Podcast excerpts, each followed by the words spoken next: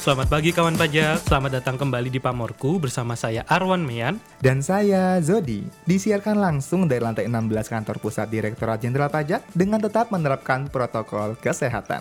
Oke Yodi, apa kabar kawan pajak? Semoga sehat selalu ya, apalagi di bulan kasih sayang ini. Kawan pajak harus senantiasa sehat untuk bisa menjaga dan membahagiakan orang-orang terkasih kita. Oh iya ya Wan, di bulan Mm-mm. ini ada hari kasih sayang ya. Tapi ngungkapin kasih sayang itu kan nggak perlu nunggu hari Valentine. Ungkapin kasih sayang buat orang terkasih bisa dilakukan setiap hari. Ya, betul banget Zodi. Salah satu cara menunjukkan kasih sayang kita buat orang terkasih yaitu senantiasa menjaga protokol kesehatan.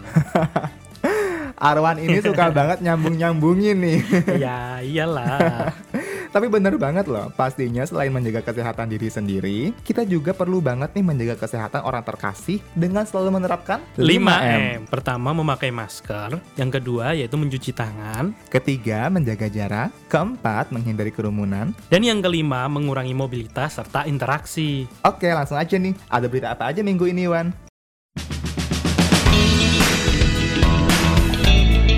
Oke, Zodi. Ya, berita pertama yaitu Kementerian Keuangan memperkirakan defisit APBN 2022 dapat ditekan mendekati 4% dari produk domestik bruto atau PDB atau berada di bawah target tahun ini yaitu 4,85% dari PDB. Optimisme tersebut sesuai dengan target konsolidasi fiskal defisit APBN di bawah 3% pada tahun 2024 mendatang. Wah, keren banget nih. Jadi harus optimis ya. Betul sekali, Zodi. Seperti yang kita ketahui, ketentuan defisit maksimal 3% diatur dalam Undang-Undang Nomor 17 Tahun 2003 tentang Keuangan Negara. Kemudian nih Wan, pemerintah ini menerbitkan Undang-Undang Nomor 2 Tahun 2020 tentang kebijakan keuangan untuk penanganan COVID-19 pada Maret tahun lalu yang menetapkan defisit anggaran dapat melebihi 3%. Pada tahun 2022, DPR telah menyetujui defisit APBN sebesar 868,01 triliun rupiah atau sekitar 4,85% dari PDB. Kira-kira faktor apa aja nih Wan yang menyebabkan Kemenkyu itu optimis defisit tahun ini akan lebih rendah dari target? Oke, pastinya kita melihat kinerja keuangan negara kita ya Zodi pada tahun lalu yang berangsur pulih dengan baik dan menunjukkan tren yang positif. Lalu pada tahun 2021, pemerintah menargetkan defisit APBN sebesar 5,7% PDB sebagai langkah penanganan pandemi COVID-19. Namun, realisasi defisit APBN ternyata lebih baik dari target yaitu mencapai 4,65% dari PDB. Wah, mantap banget nih. Mm-mm. Realisasi defisit 2021 ini bahkan lebih rendah dari target defisit 2022 ya. Selain itu, apalagi nih faktor yang menyebabkan Kemenkyu optimis bahwa defisit APBN akan di bawah target? Nah, selain itu, Menteri Keuangan Sri Mulyani Indrawati menyebutkan bahwa berlakunya program pengungkapan sukarela atau PPS akan meningkatkan perolehan perpajakan dan penerimaan negara sehingga membuat peluang defisit APBN lebih rendah dari target semakin terbuka. Apalagi nih ya Zot, berdasarkan catatan DJP, minat wajib pajak untuk mengikuti program PPS cukup baik. Hingga Kamis tanggal 10 Februari 2022, total wajib pajak yang telah mengikuti PPS mencapai 11.918 peserta dengan nilai harta bersih yang diungkapkan mencapai 12,36 triliun rupiah. Dari jumlah tersebut, jumlah pajak penghasilan final yang diperoleh mencapai 1,3 triliun rupiah. Widih, keren banget nih. Udah sampai tembus 1 triliun rupiah aja ya PPh final dari program PPS ini. Iya Zot. Eh, ngomong-ngomong soal Mhm. penerimaan pajak nih, kalau PPh final PPS sudah tembus 1 triliun rupiah. Mhm. Untuk penerimaan PPN PMSE sudah tembus 5 triliun rupiah loh, Wan. Mantap. Pemerintah mencatat penerimaan pajak pertambahan nilai atau PPN perdagangan melalui sistem elektronik atau PMSE atas produk digital sebesar 5,03 triliun rupiah per 31 Januari 2022. Oke, keren banget ya Zot. Penerimaan PPN PMSE sebanyak itu diterima pemerintah sejak kapan Zot? Nah, staf ahli Menteri Keuangan bidang kepatuhan pajak, Bapak Yon Arsal mengatakan, penyetoran PPN PMSE terdiri dari senilai 731,4 miliar rupiah pada 2020, sebesar 3,9 triliun rupiah pada 2021, dan sebesar 397,2 miliar rupiah pada Januari 2022. Wah, penerimaan sebanyak itu diperoleh dari berapa perusahaan pemungut PMSE sih? Jadi gini Wan dan Mhm. juga kawan pajak semuanya ya ya, sejak implementasinya pada tahun 2020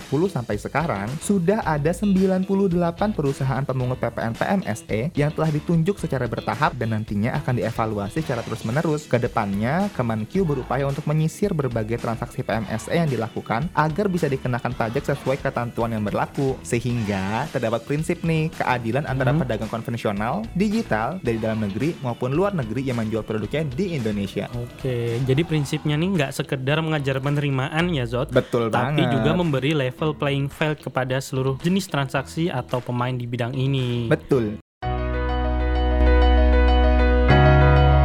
Nah, lanjut berita terakhir minggu ini Zot. Ya, ini yang kita tunggu-tunggu banget ya sama kawan-kawan pajak. Eits, coba aku tebak. Apaan nih? Hah? Ini pasti tentang insentif PPN BM otomotif Hmm. dan juga insentif PPN properti yang sudah resmi bukan? Nah, yups, betul banget Zodi. Jadi, pemerintah resmi memperpanjang insentif PPN ditanggung pemerintah untuk perumahan dan insentif PPN BM ditanggung pemerintah untuk kendaraan bermotor hingga bulan September tahun 2022. Kebijakan insentif PPN DTP rumah tertuang dalam PMK nomor 6 garis miring PMK 010 garis miring 2022 tentang pajak pertambahan nilai atas penyerahan rumah tapak dan satuan rumah susun yang ditanggung pemerintah tahun anggaran 2022. Sementara itu, perpanjangan PPN BM kendaraan bermotor diatur dalam PMK nomor 5 garis miring PMK 010 garis miring 2022 tentang pajak penjualan atas barang mewah atas penyerahan barang kena pajak yang tergolong mewah berupa kendaraan bermotor tertentu yang ditanggung pemerintah tahun anggaran 2022. Yeay, akhirnya resmi Iya. juga. Kebijakan ini pastinya diharapkan dapat meningkatkan daya beli masyarakat serta mendukung sektor perumahan dan juga meningkatkan kinerja sektor otomotif agar kembali mencapai tingkat penjualan dan produksi pada level sebelum pandemi nih kawan pajak. Amin. Oh iya, kalau rincian insentif yang diberikan apa aja tuan? Mulai dari insentif perumahan dulu deh. Oke, betul banget Zot. Jadi semua insentif ini masih dalam koridor keberlanjutan program penanganan pandemi COVID-19 dan pemulihan ekonomi nasional tahun 2022. Nah, untuk insentif PPN ditanggung pemerintah diberikan sebesar 50% atas penjualan rumah dengan harga jual paling tinggi 2 miliar rupiah serta 25% atas penjualan rumah dengan harga di atas 2 hingga 5 miliar rupiah. Sedangkan untuk insentif PPN DTP ini berlaku mulai 1 Januari tahun 2022 hingga tanggal 30 September tahun 2022. Siap. Nah, kalau untuk insentif PPNBM-nya gimana tuh? Nah, untuk insentif PPNBM ini diberikan untuk mobil hemat energi dengan harga maksimal 200 juta rupiah dan mobil dengan kapasitas mesin hingga 1500 cc dengan harga 200 hingga 250 juta rupiah. Untuk mobil hemat energi, insentif diberikan secara bertahap pada kuartal pertama, kedua, dan ketiga di 2022. Insentif diberikan dalam bentuk potongan PPNBM sebesar 100%, 66,67%, dan 33,33%. Sehingga PPNBM yang harus dibayar pada kuartal pertama hanya sebesar 0%, kuartal kedua 1%, dan kuartal ketiga 2%. Sedangkan untuk mobil 1500 cc dengan syarat mengandung komponen lokal 80%, diskon PPNBM diberikan sebesar 50% pada kuartal pertama sehingga konsumen hanya perlu membayar PPNBM dengan tarif 7,5%. Wah, kalau dilihat dari jenis mobil yang mendapatkan insentif, pemberian insentif ini masih sejalan ya dengan kebijakan pemerintah untuk mendorong pengembangan dan penggunaan mobil ramah lingkungan sebagaimana diatur dalam peraturan presiden nomor 55 tahun 2019. Betul banget. Sebagaimana yang diungkapkan Kepala Badan Kebijakan Fiskal Febrio Nathan Kacaribu, kebijakan insentif PPNBM ini fokus pada segmen tertentu yang tidak mengganggu target jangka menengah dan target jangka panjang pemerintah, yaitu untuk menciptakan industri kendaraan yang semakin maju dan ramah lingkungan. Keren pokoknya ya. Mm-mm. Mendukung perekonomian tanpa mengabaikan dampaknya terhadap lingkungan. Yuk kawan pajak, kita dukung segala kebijakan pemerintah dalam rangka pemulihan ekonomi ini. Karena pajak kita Untuk kita. Oke kawan pajak, sekian dulu ya berita pamorku di minggu ini. Eh, sebelum menutup podcast ini, Hmm. kita tetap mau ngingetin kawan pajak nih untuk segera lapor SPT tahunannya hari ini sebelum 31 Maret untuk wajib pajak orang pribadi dan tanggal 30 April untuk wajib pajak badan. Oh iya ya Wan, Hmm, kawan pajak udah lapor SPT tahunan 2021-nya belum nih? Kalau kawan pajak punya pertanyaan seputar pelaporan SPT tahunan ini, kawan pajak bisa banget nih langsung menghubungi krim pajak di nomor telepon 1500 200 status, mention di Twitter at kering underscore pajak, live chat di situs pajak go ID, atau kawan pajak juga bisa menghubungi KPP terdaftarnya langsung melalui nomor WhatsApp resmi KPP-nya ya. Yuk lapor pajak hari ini karena lebih awal. Lebih nyaman. Oke, kawan pajak, terima kasih banyak yang sudah menyimak dan mendengarkan pamorku sampai akhir. Tetap update ya berita perpajakan setiap minggunya melalui Pamorku, podcast berita kesayangan kita semua. Sampai jumpa. you